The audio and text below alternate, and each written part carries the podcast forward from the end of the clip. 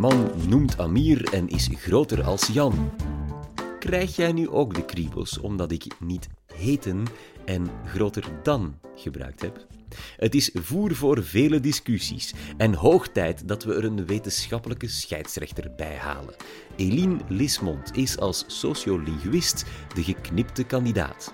Heeft zeuren over taal zin? Dit is de Universiteit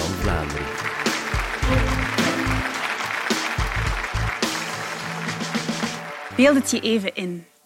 Iemand wandelt de kamer binnen en stelt een nieuwe vriend voor. Hij noemt Jan, wordt gezegd. En meteen weer klinkt licht geïrriteerd door de kamer. Hij heet Jan, bedoel je? Iedereen kent hem wel. Die ene persoon die op iedere taalfout wijst en ook consequent je taalgebruik verbetert. Misschien voel je je nu aangesproken en ben jij een taalpurist die iedereen rondom zich terroriseert met taalregels. Hoewel de taalpurist zich ergert aan taaluitingen die niet helemaal correct zijn, ergert de taalgebruiker zich ook aan het schoolmeesterlijke gedrag van de taalpurist. En je kunt je dan ook de vraag stellen wiens frustraties nu eigenlijk terecht zijn. Laten we eerst eens kijken naar de taalgebruiker die een taalfout maakt.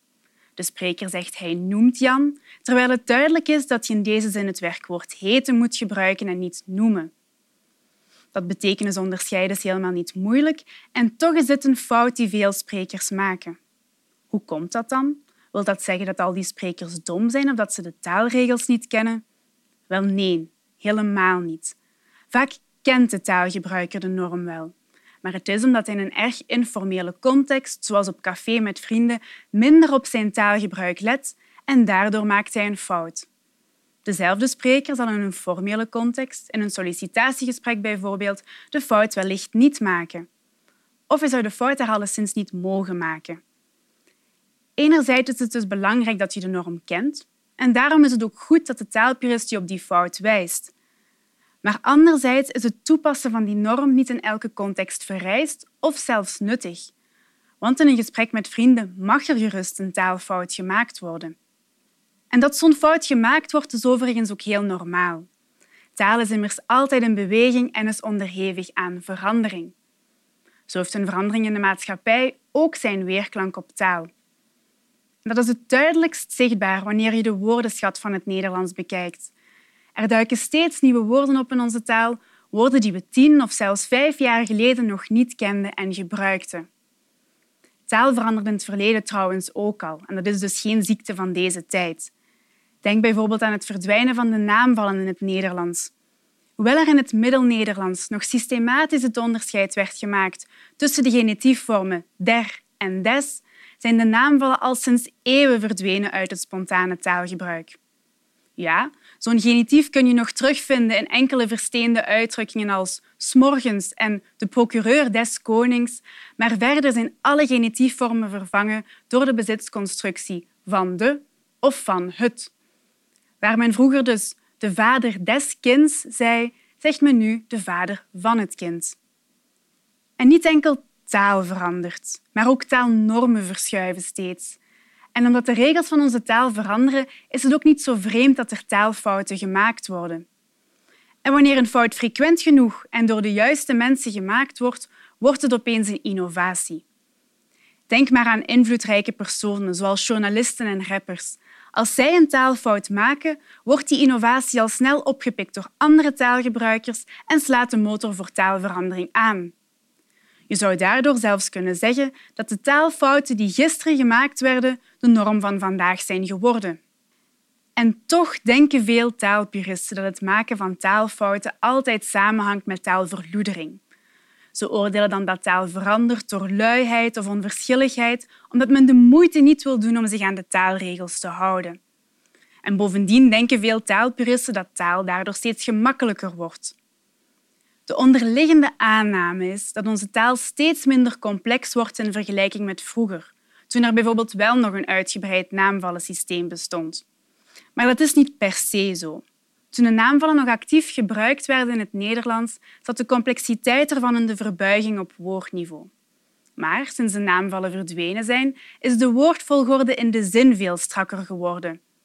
Hoewel je vroeger dus kon kiezen of je de kroon des konings of des konings kroon zij, wordt de bezitsrelatie vandaag volgens een vast patroon uitgedrukt, dus de kroon van de koning.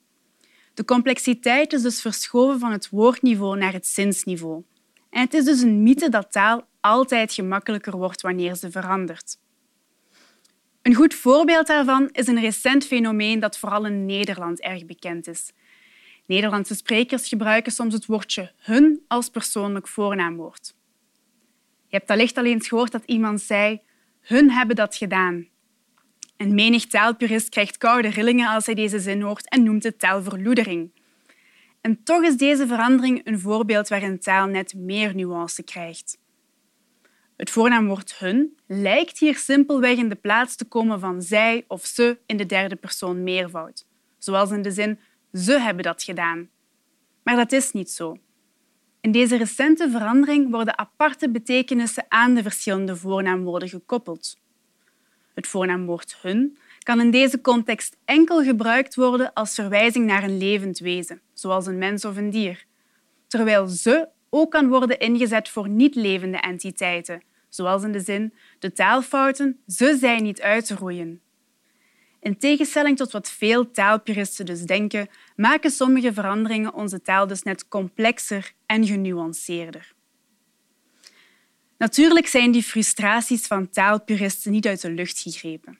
Zij baseren zich vaak op taalregels die door normerende instanties worden opgelegd. En een van de meest bekende instituten die taalregels formuleren is de Académie Française. Sommigen noemen het ook wel het parlement van de Franse taal. En dat parlement bestaat uit veertig leden, les immortels. Voornamelijk schrijvers, taalkundigen en historici maken levenslang deel uit van de academie en stellen een onderling overleg spelling- en grammatica-regels op. En vooral in het verleden gingen ze daarbij eerder conservatief te werk, waarbij ze weinig rekening hielden met wat er in het eigenlijke taalgebruik gebeurde. Zo kwam er bijvoorbeeld hevig verzet van de academie toen de Franse regering voorstelde om beroepsnamen, zoals le ministre, ook een vrouwelijk equivalent te geven, dus la ministre. De academie wilde dit absoluut niet, maar de verandering werd uiteindelijk toch doorgevoerd, onder meer omdat de vorm al door veel sprekers gebruikt werd. Ook bij ons kennen we een soortgelijke instelling en dat is de Taalunie. Voor het hele Nederlandstalige grondgebied houden ze zich bezig met taalbeleid, beschrijven ze de standaardtaal en geven ze taaladvies. En op basis van het advies van de Taalunie worden dan spellingsgidsen en grammatica's opgesteld, zoals jullie hier ook kunnen zien. En de Taalunie geeft zelf ook dit alombekende groene boekje uit, waarin spellingswijzigingen worden opgenomen. De Taalunie heeft overigens een genuanceerde kijk op taalnormen en dat zie je bijvoorbeeld wanneer ze taalvoorschriften opstelt. Dat kan dan op verschillende manieren gebeuren. Een taalvoorschrift kan enerzijds heel erg prescriptief zijn, waarbij slechts één vorm wordt goedgekeurd. Anderzijds kunnen taalvoorschriften ook descriptief worden opgesteld. En in dat geval wordt variatie in taal beschreven en gekaderd binnen een bepaalde context, zonder dat andere varianten noodzakelijk worden afgekeurd. En dit type voorschrift vind je vaak terug bij het opzoeken van online taaladvies. Stel, je twijfelt of je beste constructie vast en zeker of net zeker en vast gebruikt. Wel, hierover oordeelt de Taalunie dat beide vormen correct zijn, maar ze verduidelijken ook dat de constructie vast en zeker standaardtaal is in Nederland, terwijl zeker en vast enkel standaardtaal is in Vlaanderen. Dit is dus een descriptief voorschrift waarbij de taalunie zich baseert op vaststellingen van het eigenlijke taalgebruik. Nu, we hebben al gezien dat taalverandering van alle tijden is. Dat geldt evenzeer voor taalfouten. Die bestonden uiteraard altijd al en er waren ook altijd al grammatici die zich ergerden aan die taalfouten. Opvallend is dat veel frustraties van taalpuristen vandaag dezelfde zijn als in het verleden. Iets waar veel taalpuristen bijvoorbeeld de kriebels van krijgen, is een zin als ik ben groter als jou. In een vergelijking met een vergrotende trap moet je immers dan gebruiken en niet als. Maar uit mijn eigen onderzoek blijkt bijvoorbeeld dat die regel al hevig bediscussieerd wordt sinds de 18e eeuw. En sommige grammatici in die 18e eeuw verkozen zelfs als in de vergrotende trap. En ze vonden een vorm als ik ben groter als jou toen beter dan ik ben groter dan jou. Dit om maar aan te tonen dat ook taalnormen steeds veranderen en dat de keuzes voor taalnormen die losstaan van het eigenlijke taalgebruik vaak iets arbitrairs in zich hebben. Want een goede taalkundige reden voor dan boven als of omgekeerd is er eigenlijk niet. Zoals ik eerder al zei, oordelen taalpuristen dat het maken van taalfouten samenhangt met taalverloedering. En ze denken dan dat sprekers te lui of onverschillig zijn om zich aan de regels te houden. Maar dat is niet altijd zo. Soms doen sprekers net zoveel hun best om zich aan de regels te houden en daardoor maken ze een fout. Denk bijvoorbeeld aan het taalgebruik van jonge kinderen, waarbij een uiting als ik ging naar school vandaag niet uitzonderlijk is om te horen. Wat hier gebeurt is een overgeneralisatie van de regel. Het kind weet heel goed dat het de uitgang de of te moet toevoegen aan de stam van het werkwoord om het in de verleden tijd te vervoegen. Maar het past de regel hier ook toe op een onregelmatig werkwoord. En daarom krijg je een vorm als gingde in de plaats van ging. Een ander bekend fenomeen is hypercorrectie. Bij hypercorrectie zijn taalgebruikers zich ook erg bewust van een norm, zo bewust zelf dat ze de regel ook gaan toepassen wanneer dat niet nodig is. Je zal ongetwijfeld al gehoord hebben dat iemand tegen jou zei dat hij of zij even groot is dan jou omdat de taalgebruiker heel goed weet dat hij een vergelijking dan moet gebruiken, past hij de regel niet enkel toe bij een vergrotende trap, maar ook bij een vergelijking tussen twee gelijken, waar je normaal gezien als zou verwachten.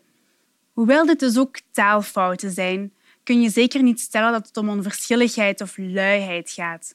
De sprekers doen in deze gevallen net te veel hun best om zich aan de regels te houden en daardoor maken ze fouten. Het is dus duidelijk. Taalnormen en taalregels hebben altijd bestaan en toch blijven we taalfouten maken. Hoe komt dat dan? En wanneer hebben die uitgevaardigde taalregels dan eigenlijk een effect op het taalgebruik?